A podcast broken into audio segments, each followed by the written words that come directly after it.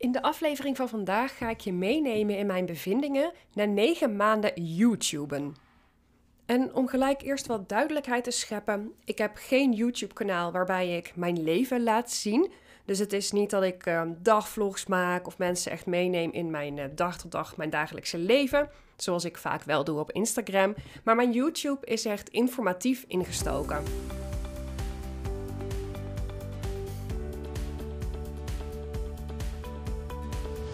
In december 2022 ben ik begonnen met actief YouTuben. Op dit moment heb ik 89 video's online staan en heb ik 150 abonnees op mijn kanaal. Ik ga je in deze aflevering meenemen in een aantal statistieken. Dus ik ga ook met nummertjes en percentages en zo strooien. Dus als jij denkt, oh, daar word ik helemaal, daar krijg ik de kriebels van. Misschien is het niet jouw aflevering, maar ik denk wel dat die voor iedereen heel erg zinvol is. Die ook maar een beetje nadenkt van, hmm, zou ik iets met YouTube willen gaan doen? Of zou dat iets voor mij zijn? Hoeveel tijd kost dat me? Hoeveel energie kost dat me? Wat levert dat me op? Ik neem je ook mee in de video met de meest hilarische reacties die ik heb gekregen. Maar dus ook in wat, hè, wat voor soort mensen volgen nu mijn kanaal en kijken mijn video's. Nou, om te beginnen, wat mij opvalt, is wat vooral populair is. Dat zijn de eerste paar video's die ik heb gemaakt rondom starten met ondernemen. Dat is een driedelige serie geworden, waarin ik in de eerste video heb uitgelegd iets over de KVK en de Belastingdienst. Maar ook bijvoorbeeld over juridische documenten, want zoals je wellicht weet, ik ben jurist, ik ben vier jaar advocaat geweest, ik ben een aantal jaar zelfstandig jurist geweest, dus ik weet daar nogal het een en ander over. Dus daar heb ik ook een video over gemaakt. En de andere video in die serie gaat bijvoorbeeld over de administratie en verzekeringen.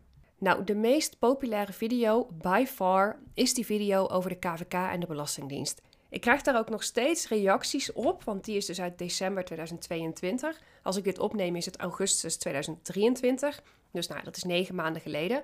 Maar ik zie daar dus nu nog steeds reacties op binnenkomen van mensen die aangeven hoe fijn het is dat ik die informatie daar op een begrijpelijke manier vertel. En als ik het dan heb over de meeste views, dan heb ik het over, ik ga het heel even kijken, 1781 views op die ene video. Hij staat daarmee op nummer 2 van mijn kanaal. Want nummer 1 is 1787 keer bekeken. Dus dat scheelt maar 6 keer. Maar die andere is een YouTube Short. Dus een YouTube Short is eigenlijk een soort reel, maar dan op YouTube.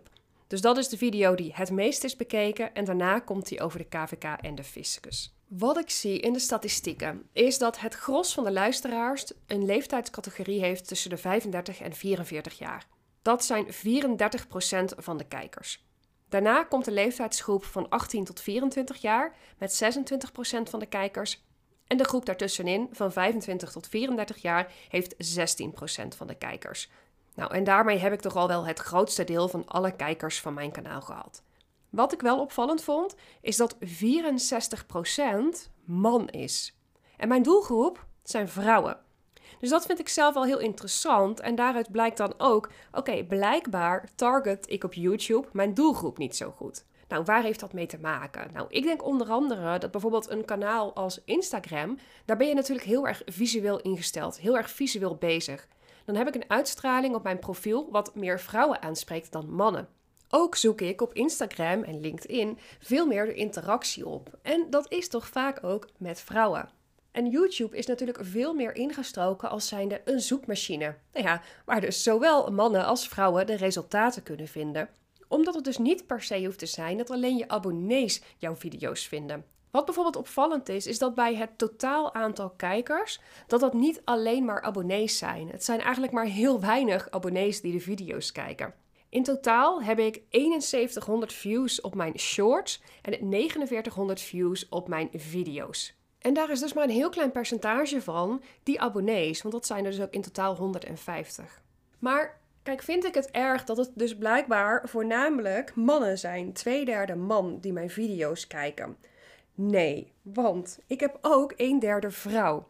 En daarmee, ik heb wel een best wel heel groot bereik hiermee met al die video's, vind ik zelf. Ik moet eerlijk zeggen dat ik niet onderzoek heb gedaan naar wat is een gemiddeld aantal mensen wat je kunt bereiken, maar ik vind dit toch wel serieuze aantallen. Ook als ik zie dat ik gemiddeld 40 views per dag heb op alle video's samen.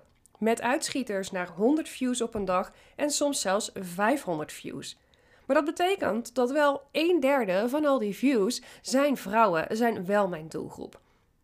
En dan is natuurlijk ook niet elke vrouw mijn doelgroep, weet je. Het wordt natuurlijk steeds kleiner en kleiner. En waar het mij om gaat, wat mijn doel ook was met YouTube, is simpelweg een extra marketingkanaal hebben. Video maakt namelijk dat mensen veel meer een connectie met je kunnen ervaren dan alleen geschreven tekst. En het grote voordeel van YouTube is dus die functionaliteit van een zoekmachine. Ik zie gewoon, omdat er dan ineens reacties komen op oude video's, dat het dus niet uitmaakt dat de content maanden geleden is gepubliceerd. Dat is niet relevant op YouTube. En dat is op Instagram wel relevant. Want hoe vaak komt er een post van een paar maanden geleden nog ineens onder de aandacht?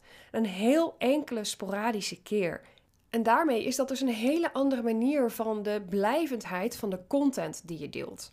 Wat ik verder ook zag in de statistieken, is dat de meeste weergaven van video's komen vanuit de Shorts feed. Dus dat is die feed met al die korte video's die op reels lijken. En wat heb ik dan gedaan voor die shorts? Nou, echt heel simpel. Ik heb dus uit de lange video's heb ik fragmenten geknipt. En die heb ik ondertiteld als shorts geüpload. Meer heb ik niet gedaan. En op het eind heb ik dan een plaatje staan van: kijk de volledige video op mijn kanaal. Nou, ik kan niet trekken volgens mij of dat mensen dan ook echt doorklikken en doorkijken. Misschien kan dat wel, maar daar heb ik gewoon geen zin in gehad. Maar met die korte video's zien ze dus elke keer ook mijn hoofd, zien ze wat ik te vertellen heb. Nou, en daarmee kan ik een connectie krijgen met die kijker. Daarna zie ik dat de meeste kijkers komen vanuit het browsen op YouTube en vanuit specifieke zoekopdrachten. En daartussenin zit ook nog de aanbevolen video's. Want dat ken je vast zelf wel als jij gaat YouTuben, dat je op een gegeven moment aanbevolen video's krijgt.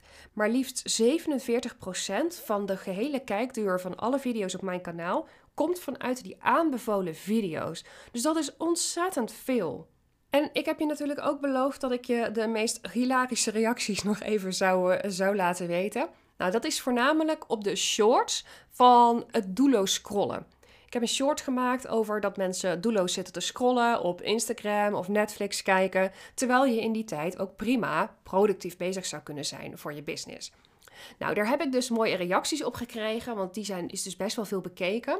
Van onder andere natte noedel en Mr. Bassie. Die hebben bijvoorbeeld te vertellen: wat is het nut van dit filmpje?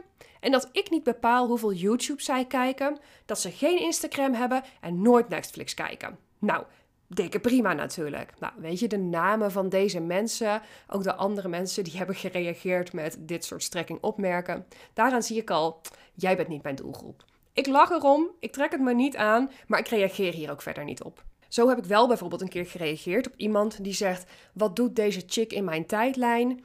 Ehm, en wat, wat had hij nou nog meer te vertellen? Oh ja, en ik ben blijkbaar de eerste die deze video ziet. Want hij had hem dus heel snel blijkbaar voorgesteld gekregen in zijn feed.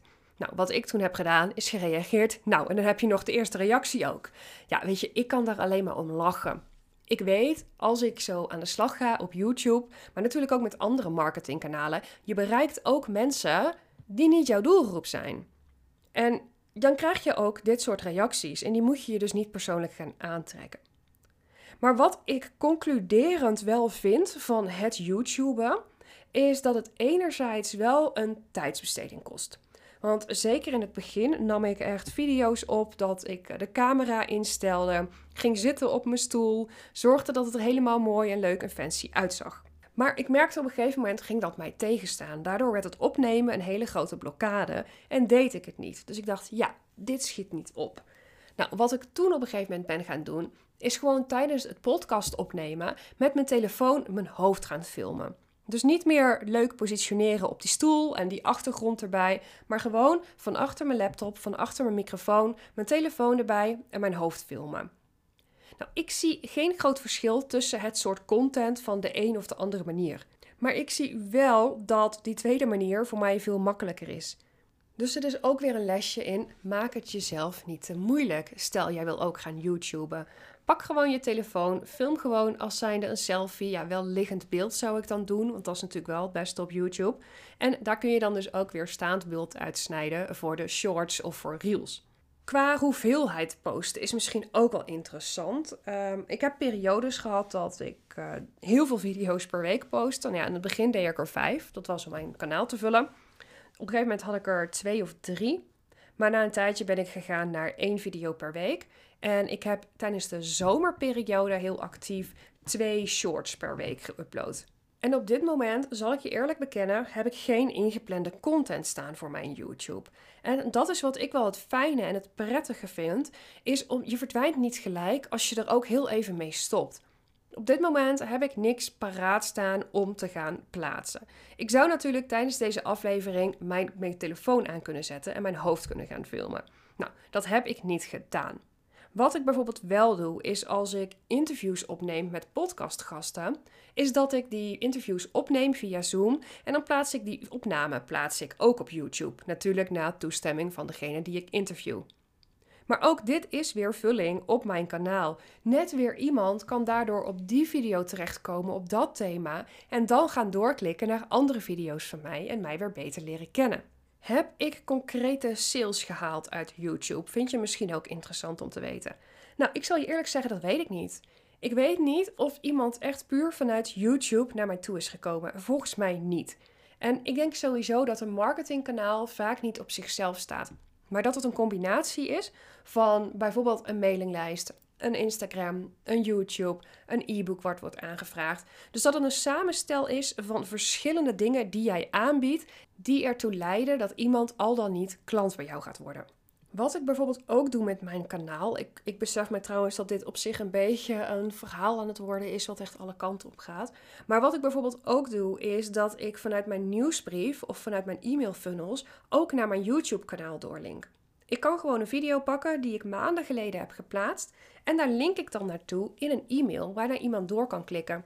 En misschien belanden ze dan wel in mijn kanaal en gaan ze allerlei andere video's aanklikken en krijgen ze wederom veel meer feeling met mij. Ik zou natuurlijk nu ook gewoon podcastafleveringen waarbij ik mijn hoofd niet heb gefilmd, gewoon met een plaatje of zo kunnen gaan uploaden op YouTube. Hè, wat houdt mij tegen? Wellicht ga ik dat nog doen, zit nog niet concreet in de planning.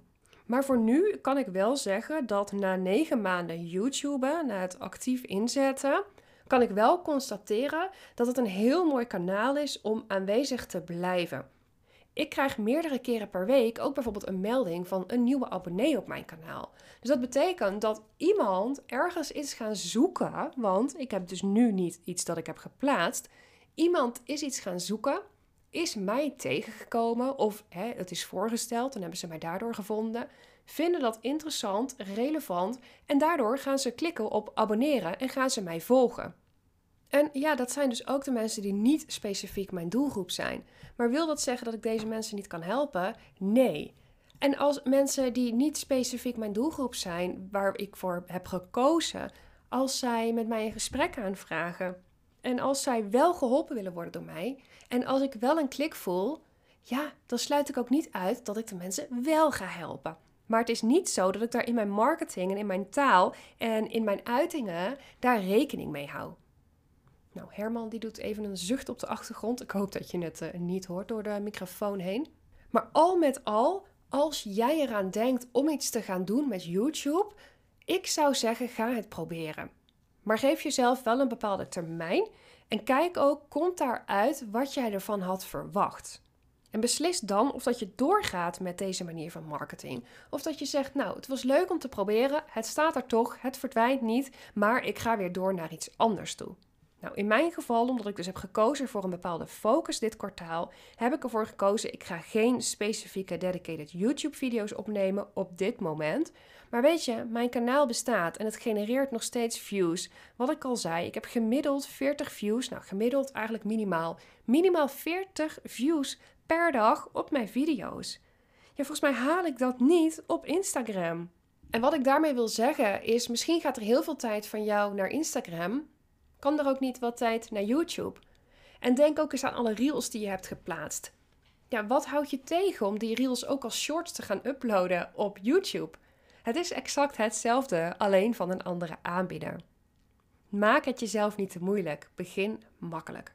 Ik ben overigens heel benieuwd of jij ook een YouTube-kanaal hebt. En wat jij ervan vindt. En of dat jij daar ook echt sales uit haalt. Of dat jij het ook ziet als een extra kanaal. Als, nou ja, de SEO, maar dan van video. Ik ben heel benieuwd om dat van jou te horen. Of als jij twijfelt over het starten van een YouTube-kanaal. Nou ja, let me know of, ja, of deze podcast voor jou wat meer helderheid heeft kunnen verschaffen. Super leuk in ieder geval dat jij er ook bij was bij deze aflevering. Vergeet niet om je te abonneren op mijn podcast en natuurlijk ook niet om een review achter te laten, want daar ben ik ontzettend mee geholpen, omdat dan Spotify of Apple Podcast het ook weer kan voorstellen aan andere luisteraars. Leuk dat je er weer bij was en ik spreek je graag de volgende keer weer.